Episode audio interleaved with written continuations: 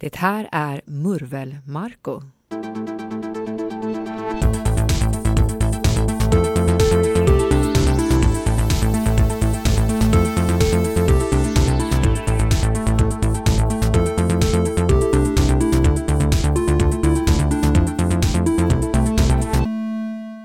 Först vill jag börja med att tacka för alla positiva kommentarer jag fått för premiäravsnittet med Marcus Larsson från Aftonbladet som gäst. Hade på känn att han skulle bli bra och det blev han. Era positiva omdömen och glada hejarop ger mig en skön ego-boost som jag nu ska förvalta. Jag heter Marco Sävel och är till vardags videojournalist på TT Nyhetsbyrån. Men den här podden, Murvel Marco, är helt frikopplad från byråns material och min högst privata. Den drivs av lust och nyfikenhet och jag hoppas att det smittar av sig på dig. Nu dags för dagens spännande gäst. Men innan vi kör igång vill jag beklaga att den mikrofon i studion jag lånade var felkopplad. Därför låter min mick skit. Men gästens mikrofon alldeles utmärkt. Så därför, teknik alltså. Men vi kör ändå. Och som sagt, jag ber om ursäkt.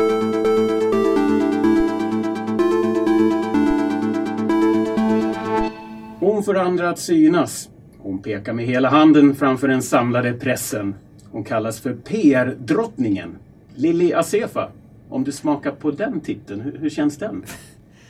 Ja, det, det, är väl alltid härligt när folk tycker att man gör ett bra jobb. Fast det, man ska passa sig för att bli kallad för drottning och supergeni och massa sådana där saker. Eh, eller många sådana ord för att eh, men det, det räcker med att man är duktig på sitt jobb. Ja. Du tar genast av dig jackan. Ja. Det känns som du är lite obekväm. Ja. det blir ju också en provocerad, eh, liksom, det blir en provocerande titel för vissa när det står PR-drottning och, och du vet det ena och det andra. Så att, eh, ja. Så att jag undviker den helt enkelt. Om vi ska sätta det i ett sammanhang. Ja. Om jag läser lite utan till så driver du kommunikation, kommunikationsbyrån Asefa Communications som mm. grundades 2005. Eh, mm. Och enligt Ratsit så har byrån nio anställda. Ja. Och omsätter över 10 miljoner om året. Ja, över 11. 11, okej. Okay. Mm. bra, bra. Och du har idag kunder som Carola, eh, Loreen, Timbuktu, Steve Angelo för att nämna några. Ja, de är inte kunder än det. Carola jobbar ju inte med längre, men det har varit under, liksom, det har, jag har jobbat med många av de här under flera år i olika projekt och så vidare. Så det har ju varit några år nu. Ja. ja. Och du har också jobbat åt SVT med mm. Melodifestivalen och en hel del uppdrag åt TV4 också. Ja, tidigare. Mm. tidigare. Men du har också i ditt stall företag mm. som eh, Parks and Resorts, mm. Stockholms krogbolag mm. eh, och Cla Clarion där vi befinner oss. Mm. Jag också jobbat med. Ja. Ja. Vi lånar ju faktiskt en studio bara för att nämna det. Man, mm. man, får faktiskt som eh, privatperson låna en studio här på Clarion Sign Hotel vid eh, Norra Bantorget. Och, eh, det har fungerat bra hittills tycker jag. Vi är med och invigde den här så att... Precis. Eh, dessutom så har du på senare år gett dig in i modebranschen. Mm. Du är delägare i Wired. Mm. Och Hope. Och Hope. Mm. Hur kommer det sig? Ja, Wired var ju när jag klev in där så jag har ju blivit mer och mer entreprenör de senaste eh, åtta åren. Vilket jag har ju gått in i ägare i restauranger, jag har gått, investerat i andra företag också. Och, eh, så Wired var genom att den dåvarande styrelseordförande PG Nilsson som också äger Sturehof och Richardson. Vi kände varandra sedan väldigt många år tillbaka och bolaget var i kris och, och, eh, och han frågade mig om jag ville kliva in och det, det gjorde jag. Jag älskade Wired redan sen innan och hade använt mig väldigt mycket av deras kläder och de låg ju väldigt nära musiken. Och det gjorde jag. Naivt klev jag in där utan att ha så mycket erfarenhet. Men det har också varit en resa. Och sen så köpte vi, sen har ju Wired gått in i en kris igen eh, under förra året och vi satte ju bolaget i rekonstruktion under hösten. Men för ett år sedan så köpte vi Hope också och har en idé att liksom, det är en otrolig förändringstid just nu. I, alltså man läser det varje dag i retail. Eh, liksom, det går jättedåligt för butikerna, varumärken backar och så vidare. Men vi tror väldigt starkt på varumärken och har en idé hur vi ska kunna få ihop det här ekonomiskt genom att och, och sätta olika synergier mellan bolagen. Så därför blev det ett köp av Hopp också och ett ett sportvarumärke som heter Cross. Så det, ju, så det ligger ju på en omsättning på över 200 miljoner allihopa tillsammans. Så det har blivit stort. Så du står med ena benet i nöjesbranschen och, och ena i modebranschen? Ja, men, ja, eller jag skulle vilja säga att med bena i kommunikation i huvudtaget. Alltså, när, när du räknar upp Carola och sådana, det är ju alltså, det är tio år sedan jag jobbade med henne. Det är ju väldigt länge sedan. Men mitt, mitt starka är varumärke och kommunikation. Det är det jag brinner för och det är det jag är duktig på. Sen har ju det blivit, de senaste fyra åren har jag börjat jobba väldigt mycket med krishantering som inte syns lika mycket. Sen det är klart när vi jobbar med en kund som Clarion eller Marcus Samuelsson eller Timbuktu och så vidare, då har vi ju väldigt mycket kontakt med och det är ju väldigt öppna och eh, uppdrag. Och sen så har vi ju då har vi också börjat jobba mer med eh, kriskommunikation och vi har jobbat med bolag som E.ON och så vidare också, så det är kommunikation. Och mitt eh, i modebranschen med Gotoga som äger då Hope och Wired ser ju också med kommunikationen och varumärke, det jag jobbar med, men jag är ju också styrelseordförande och en av de större ägarna i det, så där blir det ju ett annat sorts ansvar. Du, vi ska gå över till ett av ämnena. Mm. I somras så kom ju amerikanske rapparen ASAP Rocky på besök till Sverige mm. och hamnade i finkan höll jag på att säga, men han blev i alla fall häktad misstänkt för eh, misshandel. Och i den vevan så blev du inkopplad som medierådgivare. Ja. Hur kom det sig och, och, och i vilket läge? Nej, men det hade varit den eh, första häktningsförhandlingen hade varit och, eh, och de förstod väl att de inte skulle åka, att de inte skulle få lämna Sverige. Så det, det är klart att det var en väldigt speciell situation för deras team som var här för att göra en konsert en kväll och sen hamnade allt det här. Så då fick jag, som många av mina uppdrag är, är ju via rekommendation. Så att de pratade med eh, en person som rekommenderade mig och sen så ringde de och uppdraget skulle ju först vara i ja, men vi trodde att det skulle vara max i en vecka. Vi trodde ju inte att det skulle fått en sån här eh, att det skulle bli en sån här stor sak av det som det blev. Och eh, det var ju mitt under semestertider. Så det var ju, jag var ju i Grekland när jag fick första samtalet och var så här, men jag landar i Stockholm imorgon så vi kan ta ett möte. Och sen så, ja, sen blev det en lång följetong som alla har följt. Ja, alltså det blev ju även på statsmannanivå. Ja. Löfven och Trump eh, nämnde ASAP Rockys namn. Ja. Eh, hur kändes det då när du säger, jag vet inte, var du lite naiv när du tackade ja? Nej, men det är liksom, är, jag jobbade ju med en väldigt duktig krishanterare i USA också som var ju liksom extremt ruttad. Även hon var ju bara så här, vad är, det, vad är det som händer här? Så att det skulle få den här, liksom att det skulle springa iväg så här mycket som det gjorde PR-mässigt. Advokaten sa en väldigt bra sak under presskonferensen. Han sa rent liksom, kriminellt så här är en av mina minsta fall jag någonsin har haft. Det här var ju en, en misshandel som skedde utanför Max Börjar och sen, jag menar, allting finns ju som det är väldigt mycket nu 2020 allting har ju skett inför kameror, det ligger på Youtube och så vidare. Så det, det handlar nog, nog inte så mycket om skuldfrågan, alltså, var det självförsvar eller inte? Det var ju det som det utspelades i, i, i rätten. Inte om de hade kommit till slagsmål eller inte. Så blev det ju PR-mässigt något, ja, blev ju otroligt mycket. Det var ju två rättssalar som var öppna bara för att det var så mycket journalister som kom hit och flög in över hela världen. Och det var nytt för mig. Mm. Och i Sverige är det väl rätt nytt att en PR-byrå går in i ett brottsmål? Nej men det där är, det där är DNs egna vinkel som provocerade mig en del. Okay. Det här handlade ju inte om att att de, de tog in en PR-byrå för ett brottsmålfall.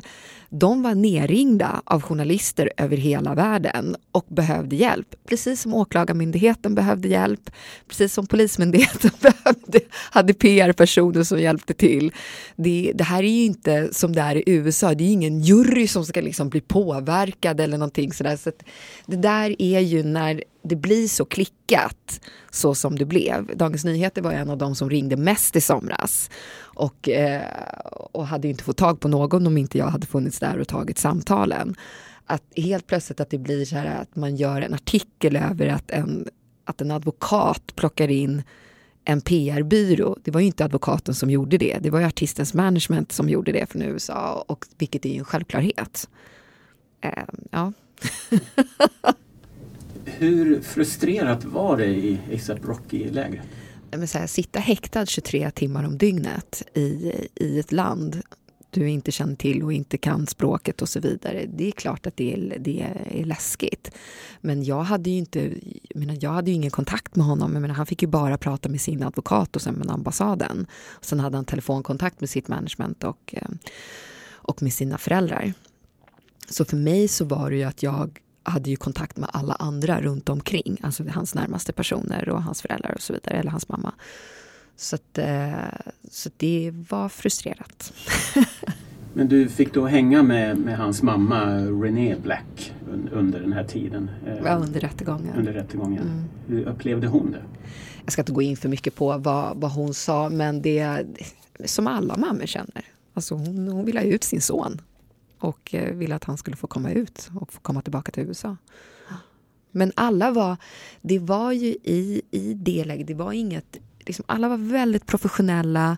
Eh, det, var inget, det var inget jättedrama runt omkring för oss, liksom, eller runt omkring våra team och med den amerikanska advokaten Slobodan självklart som fick dra ett oerhört lass. Liksom, så, för att han skulle ju gå in och och vara advokat också, argumentera, gå igenom. Och det, han skulle kunna suttit och gjort intervjuer 24 timmar om dygnet. Alla ringde på alla tider på dygnet.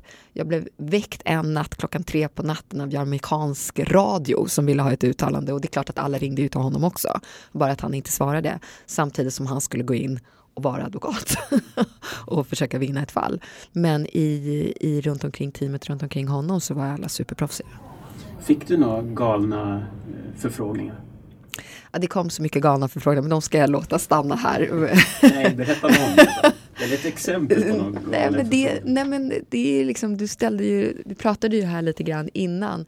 Det blir ju så här, när det blir ett sånt här stort intresse för någonting och det har ju vi varit med om, du och jag har ju jobbat med varandra många gånger innan. Och det kan ju vara ett, en mindre grej som har hänt inom Melodifestivalen, eller så, men när det springer i media, då blir det som att folk tappar lite grann att allt man ska skriva om allt, allt är intresserat. Man kan ställa samma fråga 20 gånger på, på tio olika sätt. Och man är så här, jag har inget svar, vi kan inte svara på det här. Eh, och då blir det ju mer påfrestande, självklart för mig som håller i telefonen, att man blir så här, men nu får ni respektera vårt svar. Vi har ingenting att säga. Advokaten kommer inte göra. Eh, han kommer inte svara. Eller om det är en projektledare eller en VD eller nu vad det än är. Och, och, det är klart med, här blev det ju inte bara svensk media utan folk ringde ju från, från hela världen som ville ha svar på allt. Hur mådde han? Vad har han ätit? Eh, är han arg? Hur mår advokaten? Hur mår mamman? Vad säger den? Alltså du vet, det var så här, eh, du vet, de mest konstigaste frågorna kom upp liksom hela tiden. Och det är inte första gången, men det här var ju att det blev ju tio gånger mer i det på grund av att det var så mycket media som ringde från alla världens hörn. Men under den här tiden så fick du aldrig prata med, med eh, ASAP? Nej, vi pratade med varandra innan rättegången och så pratade vi med varandra efter. Men framförallt när vi pratade med varandra när han kom tillbaka. Mm. I, I december. Vi kan ta det lite senare när ja. han kom tillbaka. Men, men under rättegången så hade ni ingen kontakt utan det var via advokater? Ja, ja, via advokater och föräldrar och management och så. Alltså alla hans närmaste personer var ju här. Det här åtagandet, har du någon PR-etik i det. Låt oss säga att eh, en, du får en förfrågan från en kändis som riktigt har gjort bort sig och hamnar i ett brottsmål där han eller hen är mordmisstänkt. Skulle du ta på dig det jobbet? Det är en väldigt bra fråga. Vi har diskuterat det där väldigt mycket. Eh, jag tror inte att jag skulle göra det. Varför inte? Ja, ja det är precis. Vi har diskuterat det här med en, med en mentor till mig. Och så, så här, men varför? För för att backa tillbaka, det var ju första gången jag kom så här, lite grann i moraliskt dilemma, det var när det var metoo. Uh, i Sverige. Det är ju väldigt, Stockholm är ju litet, man känner ju många, eller man känner men uh, har en relation till många i, i media eller artister eller så vidare. Liksom så här. Och då fick vi väldigt mycket förfrågningar, både med i, i krishantering självklart, både för privat person, liksom egenskap av privatperson då, i artist eller no, ja, någon som var i en offentlig miljö eller var chef någonstans. Då valde vi att tacka nej till individerna men tog uppdrag för företagen. Um, så där kände jag att det blev en... Jag kom lite i moraliskt dilemma där. För att jag visste inte, det var första gången ska jag säga när jag låg och tänkte så här, men hur, hur hanterar vi det här? Eh, och då diskuterade jag här väldigt mycket med en mentor till mig. Han sa så här, men varför kan du inte bara se det som en advokat? Så här, gå in och gör sitt jobb. Och då var det så här, nej men jag tycker inte att det är samma sak. För då ska man upp, liksom, upphålla någons rykte eller ena andra. Så där måste det vara jag måste tro på personen. Skulle, det liksom, skulle jag tro på personen och tro att den är oskyldig då skulle jag nog kunna göra det. Så skulle jag inte bara säga så om någon av mina artister skulle hamna i ett brottsmål. Det är inte så att jag skulle liksom bara vända dem ryggen. Men jag skulle, skulle en klient eller skulle en person ringa mig bara så här out of the blue så, så tror jag inte det. Men jag har aldrig fått den förfrågan. Men har, vi har diskuterat det väldigt mycket. Just liksom, vad, går de, vad går de moraliska gränserna någonstans med vilka klienter man tar? För i advokatyrket så tänker man ju inte så. Då säger man så här är det. Men jag tycker inte att det här är samma sak. Och vi har diskuterat internt med personalen och de yngre är ju bara aldrig i livet. Vi skulle aldrig kunna ta en sån klient. Eh, Medan andra då kanske tycker så här, nej men vadå, men nej, jag tror inte det. Vi har inte fått frågan än kanske skönt att slippa den frågan. Ja. Mm. Nu drar ju du upp liksom så en mordmisstänkt, vilket är ju det absolut det mest extremaste. Men det finns ju många andra brott eh, som har skett hos folk. Liksom. Kan du dra någon gräns? Nej, jag försöker alltid tänka på etiska. Men jag menar, det liksom, ASAP var ju misshandel. Liksom, så det var ju många som tyckte... Det finns ju alltid moraliska gränser för det. Det var ju massa sådana saker som händer. Framför allt, det här tyckte inte jag var så svårt för mig, men under metoo tyckte jag att det var svårt. Mm. Vi ska återkomma till metoo också. Mm. Det är bra att mm. gå händelserna i förväg. Ja, sorry. Om vi går tillbaka till ASAP Rocky så kom han ju tillbaka till Sverige för att göra en spelning. Ja. Och eh, då fick du träffa honom. Mm. Hur var han? Ja, men supertrevlig. Det märkte man i rätten också. Liksom. Så han är väldigt verbal, eh, liksom gentleman eh, och så vidare. Liksom. Så supertrevlig, enkel, inga konstigheter. Då skulle han göra en spelning i Globen men mm. valde dagen innan att åka ut till Husby. Mm. Varför det? Nej men det var, han är ju, det var ju på grund av Quincy Jones eh, Junior då som han, och det var faktiskt så att det var han, Quincy som rekommenderade mig till det här jobbet. Så de hade relationen till varandra sen innan. Och, eh, och Quincy brinner ju för många av de här frågorna och, och jobbar ju väldigt mycket med förorten.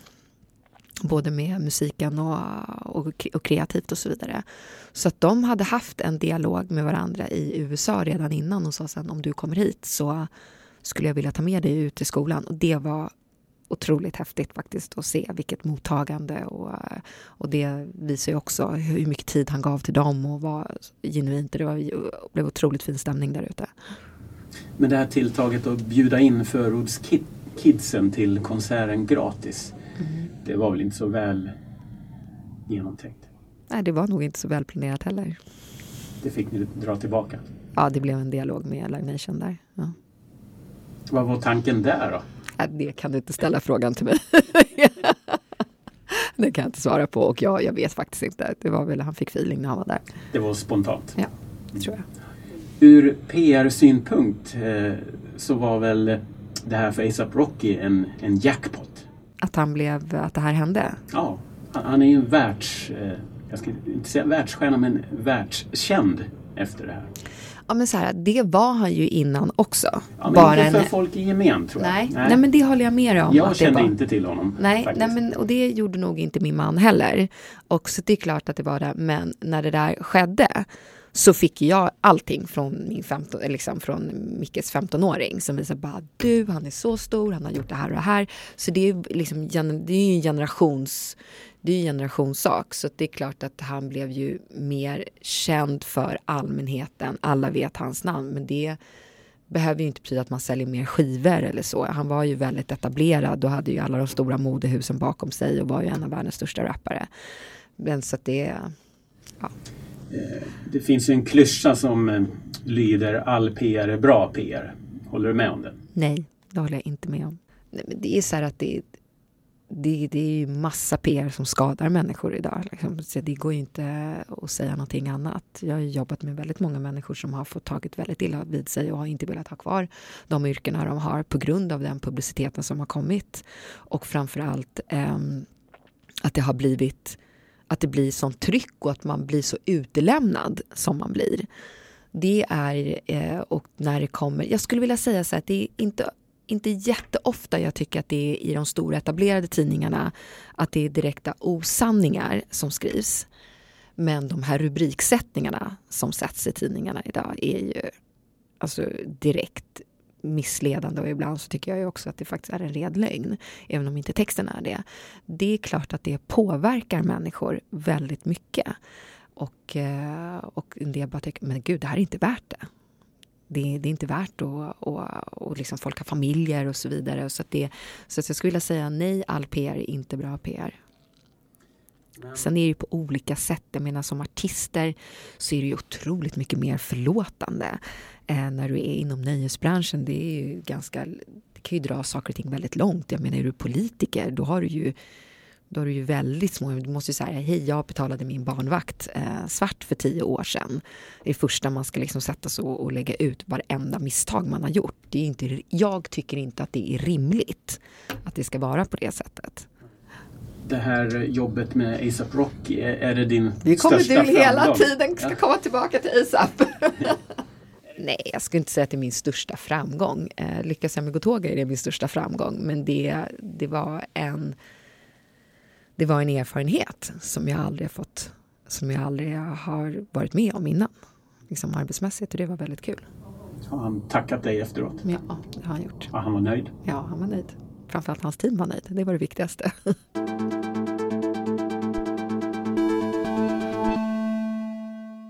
Vi är fortfarande inne på samma spår. Du var ju inne på det här med krishantering.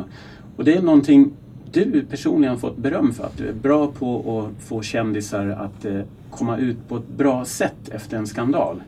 Mm. Jag tänker närmast på för fem år sedan när Anton Ewald kom ut och berättade offentligt att det, det, var han som greps för eh, ett narkotikabrott. Han gick ut i TV4 och sa det här väldigt öppet och ångerfyllt och ärligt i, i, i Nyhetsmorgon. Hur, hur, var tankarna där då? Att gå ut i ett media och så öppet berätta om ett? Ja, men, här, du får ge mig lite liv för att det är hur mycket detaljer jag ska gå in på, andra, på andras människor liksom, som, jag, som jag har jobbat med. Men liksom, vi kommer tillbaka till det lite grann som vi pratade om. Idag är saker och ting så transparent. Eh, vi vet att ofta så kommer det oftast fram till slut när det kommer en dom eller även om det blir nedlagt så kan det läcka från polisen eller vad det nu är. Jag har liksom jobbat med det här så pass länge och jag har varit med när vi har suttit i liksom stängda rum med fyra, fem personer och sen har jag kunnat fått ett samtal från media tre dagar senare. Så här, ibland inte ens tre dagar senare utan dagen efter och fått så här, vi vet att ni har diskuterat det här och det här vad, eh, hur ställer ni er till det? Så mitt jobb är ju hela tiden att försöka förekomma så mycket som möjligt för att förbereda personen. Så att man inte, det är ju det som ni journalister har, liksom, det är när, när man blir tagen off guard. Det är då liksom alla de här näringslivsmänniskorna, det, det är då de här plumpheterna kommer ut. För att man står där så får man en fråga så är man helt oförberedd på det. Och sen svarar man snabbt och ogenomtänkt, vilket är otroligt mänskligt att, att man svarar på det sättet. Men det är ju då misstagen sker. Och sen får de leva med det där jävla uttalandet. Eh, förlåt att jag svär, men det uttalandet väldigt länge. Och det blir rubriker och sen så liksom bara pumpas det på. Så att, eh, så att vi gjorde väl en bedömning att vi misstänkte att det verkligen att det skulle komma ut. Han var väldigt ångerfull. Jag tycker att det är bra i radio eller tv för att man måste förlita sig väldigt mycket på den skrivande journalisten när, det blir i text. Och då blir det de här rubrikerna och det ena och det andra. Då. Så att hör man personens röst, alltså känslan i samtalet så kan det mottas på ett helt annorlunda sätt. Det, och det är ju samma sak med radio eller podd eller nu vad det än är, att man får liksom göra publiken får göra en egen bedömning. Ehm, så därför valde vi TV4. Det här misstaget som många gör när skandalen väl rullar ja. och vara tyst. Hur stort fel är det? Det, det, finns ju inte att säga, det är inte svart eller vitt. Liksom. Det, jag har fått massa frågor sådär och jag har aldrig gått ut i media och bedömt andras krishantering. Det är klart att man har suttit massa gånger framför och bara, men vad gör de för någonting? Hur hanterar de det här egentligen? Men du vet ju inte från stö bakom stängda dörren hur den personen som är talesperson den kanske har helt panik, den kanske inte pallar. Alltså det kan ju vara så många saker som, som sker som man inte vet. Det är väl, eh, man ska väl försöka vara så transparent som man kan. Sen så är det så, att du har ju en del när du är för du, om vi drar upp de olika, du har en del när du är artist, liksom, då representerar du dig själv.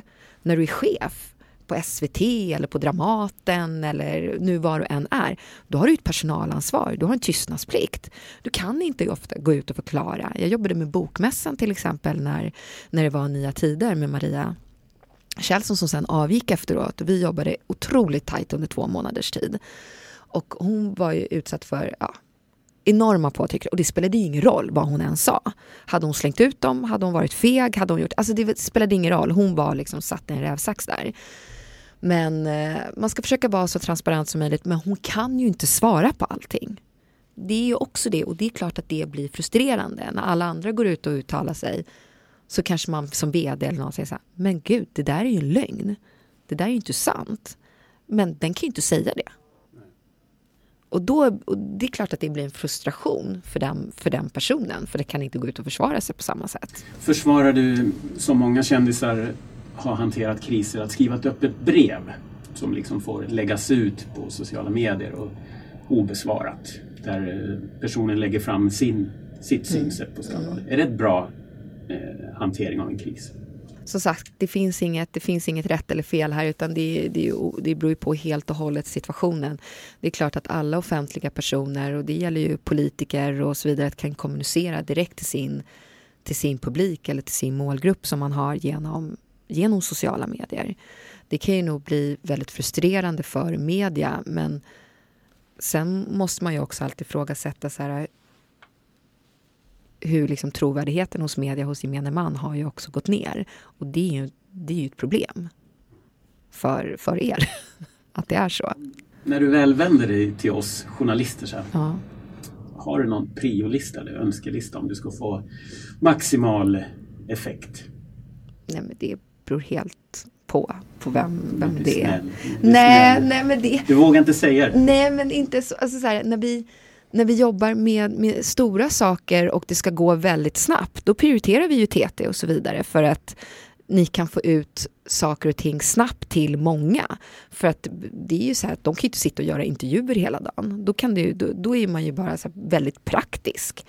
Eh, ska det läggas ut en, ska en person göra en längre intervju, då handlar det om liksom journalisten i fråga. Hur mycket utrymme får man? Det är ju också sådär när jag började jobba med det här, då fanns det så många tidningar som där man kunde göra långa intervjuer. Så ser det ju inte ut idag. Och då är det är klart att DN ligger ju väldigt högt upp där. Eller, liksom, eller morgontidningarna överhuvudtaget. Det kan vara Dagens Industri, Sydsvenskan, GP och så vidare. Därför att där kan man få tre sidor när de kan få lägga ut texten. Det är inte lätt att förklara någonting som ska vara liksom i, på en halvsida och som ska vara en bild. Eh, när det kommer till andra saker så tycker jag Aftonbladet Expressen är, är grymma, de är snabba, de är ut. Eh, poddar, radio. Problemet är med månadspress är ju att det tar för lång tid om man ska prata i, i krissituation. När det gäller, ska vi lansera en film eller en bok eller någonting, då är månadstidningarna fantastiska. Liksom både filter eller mor, alltså för att då kan de ju också få liksom prata, det går inte för snabbt. Det är också så att allting ska gå så otroligt snabbt idag. så att då liksom blir det, lite, det blir lite mjukare. Liksom, så att de, det gäller liksom också att kunna få en, en, en, relation till journalisten så att man, så att man förstår varandra. Ja, du, du, nämnde rätt många medier där mm. ändå. Tack, tack ja, för det. Ja, varsågod.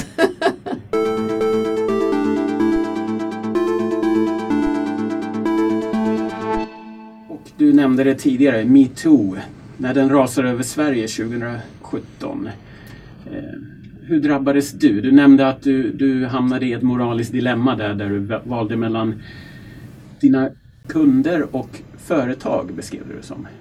Nej, inte, inte kunder så, men det var, det var ju många det var ju många som sökte hjälp och, och, och, och bollplank eh, i, i alla situationer som, som kom upp, självklart. Eh, det, tog, det kom ju otroligt snabbt och, och starkt och nej men jag blev ju som alla andra väldigt berörda och jag tror att det finns ju inte en kvinna som, som inte kan känna igen sig i de, i de historierna som kom ut. Och så att jag kände en, en, en solidaritet och kände liksom att det var metoo var en av de viktigaste rörelserna. Jag tyckte också att den blev också läskig. För att det blev också liksom en lynchstämning. Det, blev, det gick just där när jag tyckte att vissa medier var så extremt dåliga. För att de, det bara, folk bara hängdes ut till höger och vänster och det gick så otroligt fort. Och då blev jag så här, men det var inte det här det var inte det här det skulle handla om. Och, eh, och samtidigt så jobbade vi med rådgivning till, eh, till några stycken. Men eh, inte personer så, utan det var till företagen som var drabbade. Varför gjorde du den skillnaden? Därför då är det att hjälpa ett företag, hur ska ni hantera det här? Eh, det var ju inte ett företag som inte blev drabbad, skulle jag säga, eh, på ena eller andra sättet, högt eller lågt. Men, eh, och då var det att vara bollplank till de som var ansvariga. Hur hanterar vi det här? Liksom både internt och externt information. Mm, det tyckte jag var en stor skillnad att sitta med en person som var anklagad. Sen så var det ju så att det var en sak som var i medierna och så var det en som var i sociala medier och i slutna grupper och så vidare. Och, ja, men den, den, den hösten var, var jobbig. Om du ser så här lite i efterhand, hur tycker du metoo-rörelsen kom ur den vevan? Det, är liksom, det här har ju debatterats av väldigt många starka kvinnor. Metoo är fantastiskt. Det var någonting som togs upp som borde ha gjorts för länge sedan. Det Eh, det har varit ett maktmissbruk och det är mot kvinnor och på ett sätt att förhålla sig till som jag tror inte kommer ske i Sverige på samma sätt. Det märker vi också i handböcker. Det är ju liksom nolltolerans på ett helt annorlunda sätt. Sen om folk gör det, företag gör det på grund av att de tror på det eller för att de är rädda för konsekvenserna. Det, det är en annan sak. Men metoo är fantastiskt. Men den blev också läskig för att jag tycker också att det kom fram sidor hos människor och att det blev liksom vendetta och Um, och så vidare. Där ja, men det, blev, eh, det gick för snabbt helt enkelt. Du som eh, framgångsrik kvinna i den här branschen, har du stött på att män har velat sätta dig på plats? Ja, massa gånger. Alltså det, vi, jag var på middag i lördags då. Nu kan vi ju börja diskutera det här med metoo utan att det blir lite lika laddat. Alltså du vet, under den hösten så kunde jag sitta på tjejmiddagar med nära vänner och vi började diskutera det här. Alla har ju sin perspektiv på det, hur man tycker liksom att saker och ting har skötts eller inte. Det var så laddat så att vi även kunde liksom ha väldigt hetsiga diskussioner mellan oss nära vänner liksom, när vi fan blev sura på varandra. Hur kan du tänka på det här sättet? Men i lördag satt vi och pratade om det här och det är som jag sa, det, det finns inte en kvinna som inte kan känna igen sig i, i en sån här situation som har skett. Liksom, jag har haft många män som har försökt, liksom, jag känt, försökt sätta mig på plats, har inte tagit mig på allvar på grund av att jag känner att jag inte är man, att jag har haft det här äh, jag måste vara bättre, jag måste vara tydligare, jag får kämpa lite mer. Men det är också, har ju också varit någonting som har pushat mig väldigt mycket. Men det är så ska det ju inte behöva vara. Men... Um, mm, ja, men för att svara på din fråga, ja, det har jag också varit med om. Men det har inte gått till sin spets att det har blivit riktigt plumpt eller sexistiskt? Nej, men sexistiska kommentarer har jag fått, men jag har inte blivit ut... Alltså jag, jag, jag har inte behövt lämna ett jobb på grund av att jag haft en chef som har betett sig illa eller att jag blivit utsatt på det sättet. Nej, det har jag inte blivit. Jag tänkte vi skulle prata lite PR och då gentemot mig. Hur ska jag sälja den här podden? Vad har du för tips och råd att ge mig? oh, bra fråga. Det borde jag ha förberett mig på. Borde see coming. Hur ska jag nå värvet och, och fördomspodden nivåer? Ja, men, du måste ha väldigt många intressanta gäster. Mm. som du får Varav du är. jag är en. Eh, sen så måste du väl, man, jag vet inte hur man PRar poddar faktiskt. Här, man köper väl sociala medier-inlägg och får spridning på det. Köper man dem? Ja, en del gör så sponsrade inlägg. Måste göra eh, kortfilmer så att det blir, kommer ut på sociala medier. Eh, får väl också jobba med någon tidning och, och droppa grejer som sägs här för att få spridning på det så, så att folk blir nyfikna och hittar hit. Det är väl det som alltid är svårast i början med en ny podd. Att, liksom att folk ska hitta in. Få dina gäster att sprida det. Om jag nu rycker något ur eh, den här eh, poddintervjun ASAP Rocky till exempel. Ja, jag skulle vilja säga att det är väl det som är, skulle vara mest klickat. Ja. Um, om jag rycker något citat du har sagt om ASAP Rocky, gör jag korrekt PR då? Nej, jag tycker inte det. Det är där jag tycker att det blir... Nej, du tycker, tycker inte det. det. ja, men du, för, för dig så är det väl bra att göra det. Du, jag har förberett eh, tre trailers som jag vill att du ska betygsätta och ja. eh, ur ett PR-perspektiv eh, ge tummen upp eller tummen ner ja. och se eh, vad du tycker det landar om, om det är värt att jag eh, lägger ut dem helt mm. enkelt. Mm. Vi börjar med den första. Mm. Bästa podden med bästa gästerna som slår alla med hästlängder. Bästaste bäst-podden. Du missar inte Murvel-Marco. För dig som nöjer dig med det bästa. En riktig sån här skryttrailer. Vad säger du om det? Ja, men får jag lyssna på de andra först? Nej. Ja, men säg något för, så kan du summera efteråt. Vad säger du om den första? Den är ju insäljande och det ska du ju vara. Du måste ju vara skrytig och slå dig själv för bröstet. Man får inte vara så svensk där. Men, ja, det är sant. Men den här går ju over the top tycker jag. Liksom. Verkligen. Murvel Marco. ja, den är nog lite för too much. Mm. Ja. Vi lyssnar på nästa. Mm. I Murvelmarko går vi till botten med journalistikens grunder och värderingar och ger en trovärdig analys och granskning till er som är nyfikna på medievärlden. Allt är korrekt och faktakollat. Mm, det var bättre än den innan. Den var det? Alltså. Ja, det tycker jag. Okej. Okay. Här slår jag ett slag för liksom etik och moral ja, och ja, journalistik. Tycker, ja, journalistiken och det är väl det som är din USP också. Så jag tycker det var bättre än den innan. Okej, okay. ja. då tar vi den tredje trailern. Ja. Oh, Marco, kom djupare. Oh. Murvel-Marco gräver längre än andra i mediegrottan. En podd som drivs av lust och närhet. Du får också vara med.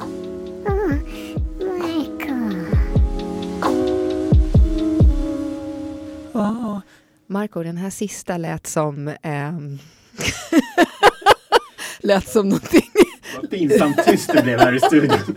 Den sista lät som någonting helt annat. Jag rekommenderar dig starkt att inte använda den. Jag misstänker det. Va, va? Jag blir nästan lite generad. Vad gör jag för fel där? Alltså den känns ju inte så som en seriös journalistpodd. Eh, så att jag skulle, du får nog ta den i mitten. Mm. Men det här sista kanske var en, en, mm. en drift? Ja. En, man driver ja, ja, fast det, jag tycker inte du ska ha det. Jag tycker att det ska bli lite mer seriöst än så. Mm. Ja. Så du väljer Nordkorea-varianten? Jag väljer Nordkorea-varianten. Den kör vi. Ja. Du, eh, det var väldigt trevligt att ha dig här. Eh, jag bad ju Marcus Larsson att betygsätta Eh, podden och eh, besöket. Eh, vill du göra detsamma? Hur kändes det här? Ja, men det kändes bra. Jag skulle vilja att, eh, prata lite om er pressetik också, men det får vi ta nästa gång. det får vi ta nästa gång. Eh, tycker du, by the way, att Murvel är ett bra namn? Ja, men jag tycker att det är tydligt för journalister. Jag tycker att det är, ja, men jag tycker det är Murvel ett bra namn. Jag kan få känslan av att det, det tillhör den gamla generationen, att den nya kanske inte kan relatera till just ordet. Nej, då får de lära sig. Ja, ja. precis. Ja.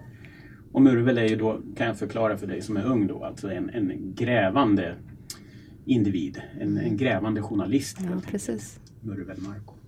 Tack så mycket för att du kom hit. Tack. Och lycka till med allt du åtar dig och eh, det var mycket trevligt att få, få samtala med dig. Ja, tack så mycket.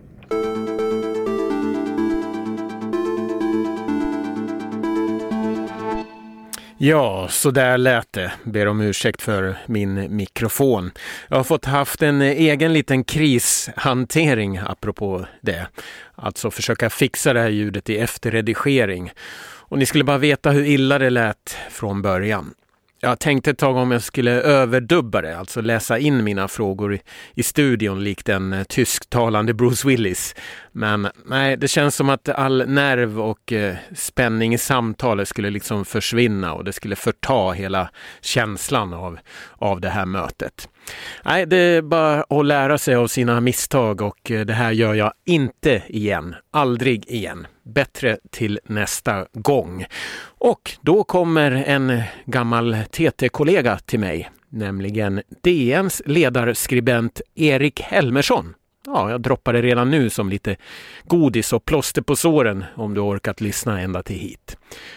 Jag vill passa på och eh, nämna att de eh, trailers jag gjorde, musiksnuttarna till dem, eh, kommer från Epidemic Sound. Musiken till podden den är gjord av Emmon. Kolla in hennes nya låt The Game på Spotify. Riktigt bra. Fotona av mig som finns på webben och eh, där poddar finns för att liksom marknadsföra mig eller, eller liksom i PR-hänseende göra så att jag syns. De är tagna av Henrik Montgomery på TT.